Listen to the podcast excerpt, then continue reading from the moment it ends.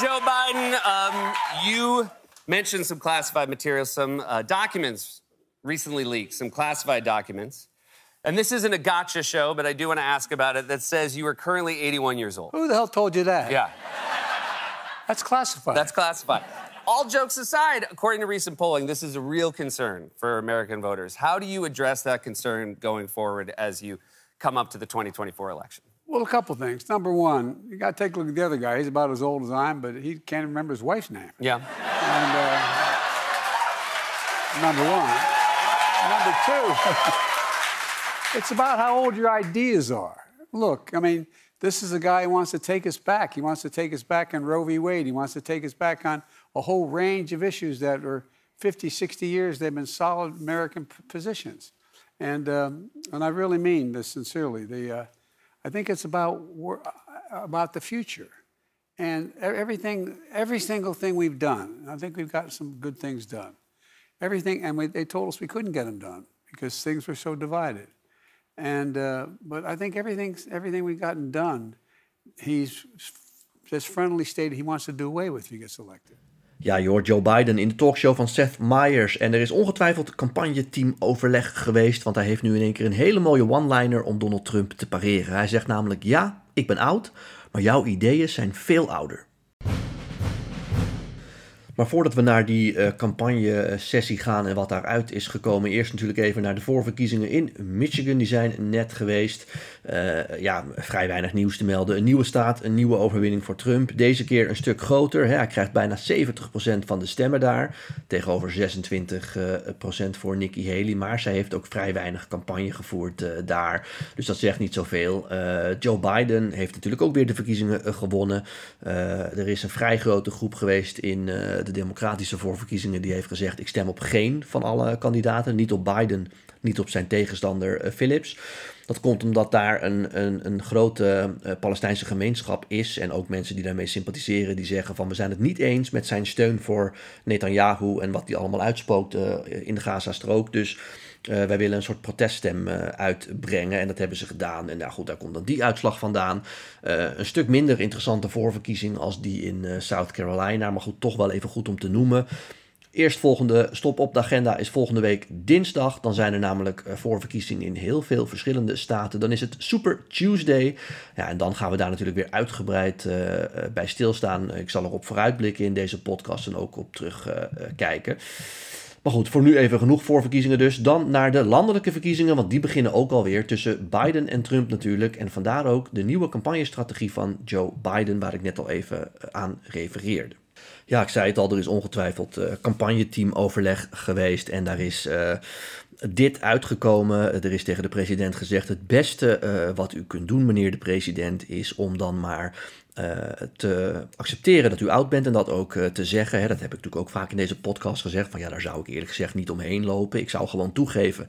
Ja, ik kan misschien thuis beter achter de geranium gaan zitten. Hè. In een ideale wereld had ik dat ook gedaan. Maar ik ben de enige die tussen het grote gevaar wat op ons afkomt, Donald Trump en jullie instaat. Dus stem dan maar op mij, dan hou ik Trump tegen. Uh, en ja, die tweede toevoeging is ook wel mooi dat er dan gezegd wordt: ja, ik ben oud, maar uh, het gaat natuurlijk om de oudheid van je ideeën. Hè? En de ideeën van Trump die zijn vele malen ouder. Uh, en dat is wel, denk ik, een, een, goede lijn van de president om te hanteren om een aantal redenen.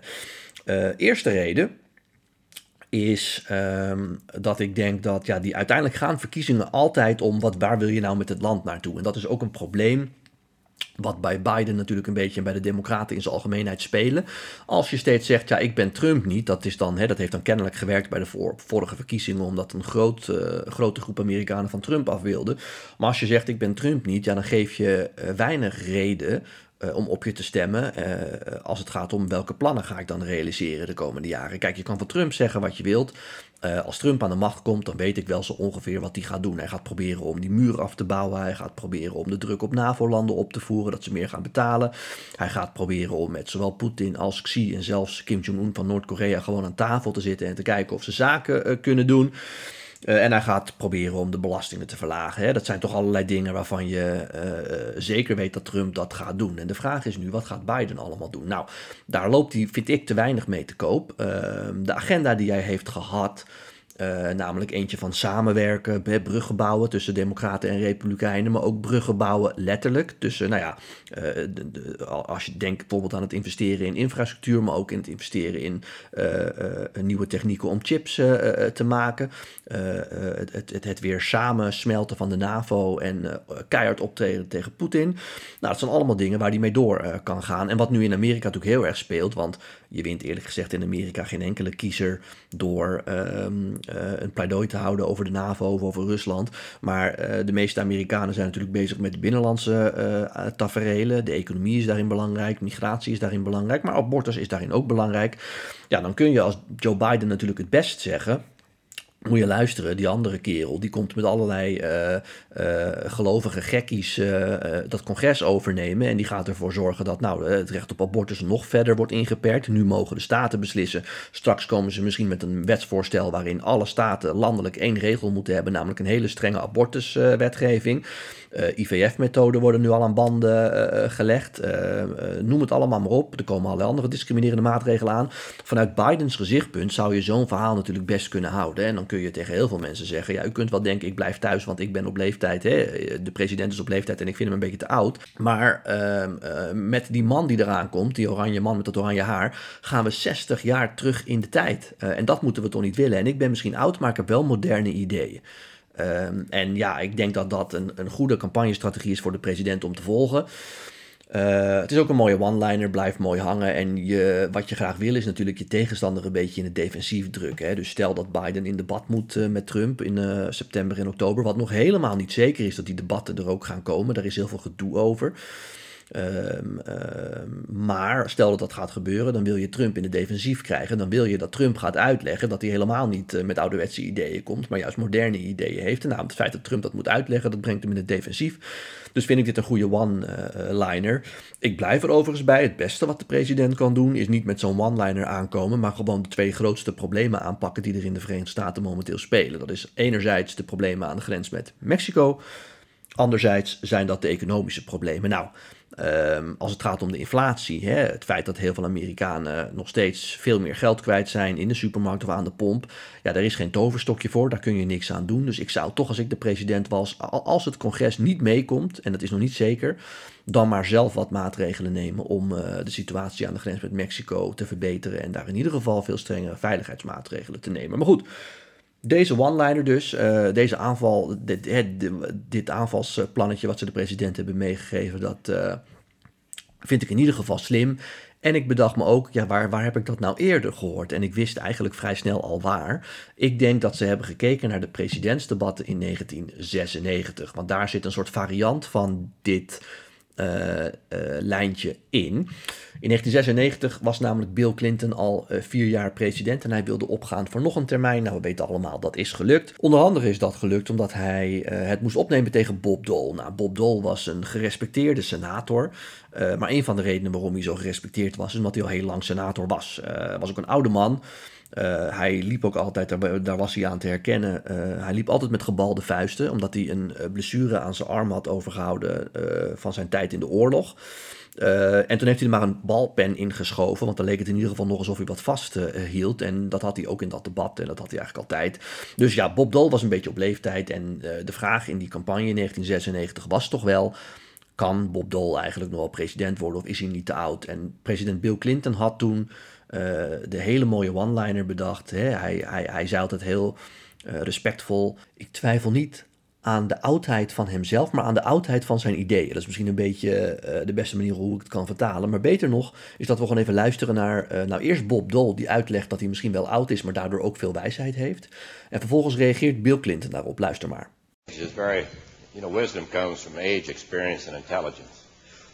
And if you have some of each, and I have some age, some experience, some intelligence. That adds up to wisdom. I can only tell you that I don't think Senator Bill is too old to be president. It's the, uh, the age of his ideas that I question. Ja, in het Engels klinkt dat toch mooier. Hè? I don't question his age, I question the age of his ideas. Super mooi.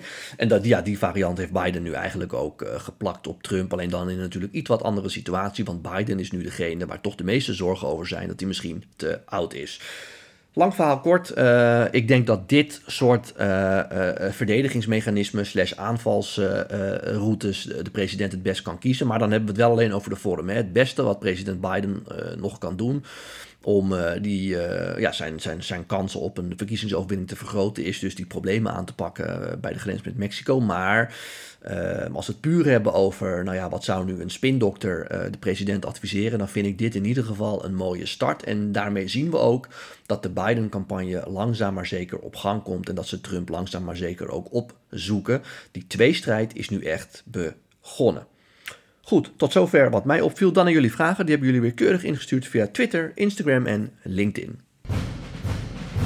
Ja, de eerste vraag komt van Jeroen. Die vraagt: het valt me op dat Kamala Harris steeds meer in beeld is. Is dit puur voor de aanstaande verkiezingen, aangezien ze ook op het ticket staat, of zit er meer achter? Uh, nee, Jeroen, dit is inderdaad uh, puur voor die uh, verkiezingen. zij is natuurlijk een belangrijk onderdeel van de Biden-campagne. Ik kan wel steeds zeggen dat zij nog minder populair is dan Joe Biden zelf. Maar dat maakt niet uit. Ze staat nu helemaal op het ticket. president Biden is toch beperkt in hoeveel uh, campagnemomenten hij nu al uh, kan doen. Dat heeft te maken met zijn drukke agenda, maar natuurlijk ook met zijn leeftijd. Zijn campagneteam durft hem maar mondjesmaat los te laten op plekken die ze zelf niet kunnen controleren. En dus moet zij aan de bak komen. En het is natuurlijk niet zo dat heel Amerika haar uit zou kotsen. Zij ligt bij heel veel jongeren, um, democratische jongeren, gewoon heel erg uh, goed. Dus, en trouwens ook in, in, in delen van de progressieve zwarte gemeenschap. Dus het is heel goed om haar naar voren te schrijven, denk ik. Niet te veel, maar wel gericht op die kiezersgroepen is dat denk ik heel verstandig. Dan Mark, die zegt: Dag Raymond, bedankt voor jouw leuke podcast. Nou, graag gedaan. Uh, mijn vraag: nemen de Democraten en Joe Biden zelf niet een enorm risico door volledig achter Biden te staan? Hoe zie jij de kansen van een andere democratische kandidaat in? Mocht deze door de partij volledig gesteund worden als opvolger, bijvoorbeeld Gavin Newsom. Ja, Mark, dat is lastig te zeggen, want daarvoor moet Gavin Newsom gewoon eerst eens even uh, campagne gaan voeren op landelijk niveau. Dat doet hij natuurlijk wel een beetje. Hè? Gavin Newsom is de gouverneur van Californië en zit bijna in iedere talkshow om uit te leggen hoe zeer hij Joe Biden steunt. En eigenlijk uh, zijpelt een beetje door dat hij, als, ja, dat hij eigenlijk aan het voorsorteren is op, nou, als Biden omvalt, dan moet ik hem eigenlijk opvolgen en niet Kamala Harris. Um, um, uh, ja, en kijk, aan de ene kant zijn die kansen van hem een stuk. Uh, zouden die kansen van hem goed moeten zijn, want het is een jonge uh, gozer die enthousiast is. Om maar even hem als voorbeeld te pakken. Maar je weet pas echt hoe groot de kansen van iemand zijn als hij of zij het ook daadwerkelijk echt tegen Trump of opneemt. Hè. Trump heeft natuurlijk het talent om zijn tegenstanders op te vreten. En we kunnen allemaal vanaf de zijlijn zeggen: ik zou dat beter doen, maar ga er maar eens aan staan. Dus het is lastig te zeggen dat hij het 1, 2, 3 beter zou doen. Wat ik wel weet is dat er ook wat peilingen zijn gedaan. Toevallig vroeg iemand anders daar naar een paar weken terug. Toen heb ik even opgezocht wat zijn nu de uh, peilingen van een hypothetische tweestrijd tussen Donald Trump en Gavin Newsom. En daarin verslaat Donald Trump Gavin Newsom met eenzelfde soort cijfers als waarop hij nu Biden verslaat. Dus uh, denk even terug aan Ron DeSantis, hè, die natuurlijk uh, een succesvol gouverneur van Florida was. En daarvan werd heel lang gezegd hij kan Donald Trump opvolgen. Nou, dan start je met die presidentscampagne en dan gaat eigenlijk het een na het ander gaat mis. En dan, dat is helemaal niet gek, dat gebeurt heel veel uh, politici in Amerika. En dan wordt er door commentatoren wel gezegd, ja, nu ben je echt actief op Champions League niveau, hè, het presidentiële niveau. En nu komen we erachter of je ook uit dat hout gesneden bent. En kennelijk is hij dat nu in ieder geval niet. En ja, mensen als Gavin Newsom, maar ook andere democraten die zich achter de schermen, of in zijn geval voor de schermen warm lopen. Ja, daarvan weten we pas hoe die kansen zijn als ze daadwerkelijk meedoen. Daarvoor blijft het allemaal erg in het luchtledige. Kun je er weinig van zeggen ja, dan krijg ik nog steeds best wel wat vragen binnen over mijn theatertour. En dan vooral, hey Raymond, kom je ook naar mij of kom je ook daar naartoe? Uh, ga ervan uit, ik kan het nooit helemaal uitsluiten, maar ga er wel van uit dat alle data die nu op mijn site staan, alle, uh, speel, alle speelsteden, dat zijn er bijna 40, ja, dat dat ze echt wel zijn. Omdat ik namelijk door de week gewoon moet werken. Uh, en uh, heb gezegd tegen de producent: ja, iedere vrijdagavond kan dan nog wel, maar zeker zaterdag en zondag kan ik overal naartoe. En dat is gebeurd. Dus die agenda zit gewoon vol. Dus dit is het. Kan me voorstellen dat er mensen zijn, uh, althans dat zie ik dan, die zeggen: hé, waarom kom je niet naar Groningen of waarom kom je niet naar Zeeland? Ik kom echt bijna overal naartoe, maar dan is het inderdaad toevallig net niet gelukt om daar tussen te komen. Maar ja, ik vind zelf dat ik echt wel kan zeggen dat ik vrijwel het hele land doorga, op 40 verschillende plekken sta. Dus ik zou het leuk vinden als, uh, ook al moet je er even voor rijden, dat je toch uh, langskomt. Maar dit is het dus. Remomens.nl, wees er snel bij, want ik mag wel met enige trots zeggen dat de tickets hard gaan. Goed, tot zover weer. Dank voor jullie vragen. Blijf die insturen, kan nogmaals via Twitter, Instagram en LinkedIn. En dan beantwoord ik die weer in een volgende podcast. Tot zover, tot dan.